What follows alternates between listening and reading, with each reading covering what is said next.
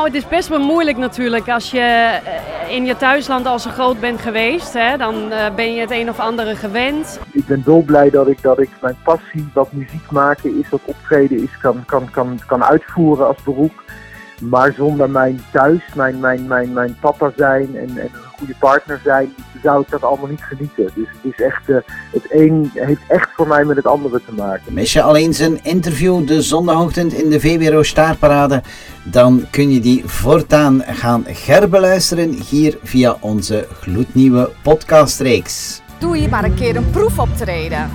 Nou, en zo is het verder gaan lopen in, de Duitse, in mijn Duitse repertoire. Die ben ik gaan uitbreiden en ik kan nu gewoon avondvullend uh, Duits uh, optreden. Ik ben zo grootgebracht met oudere slagen.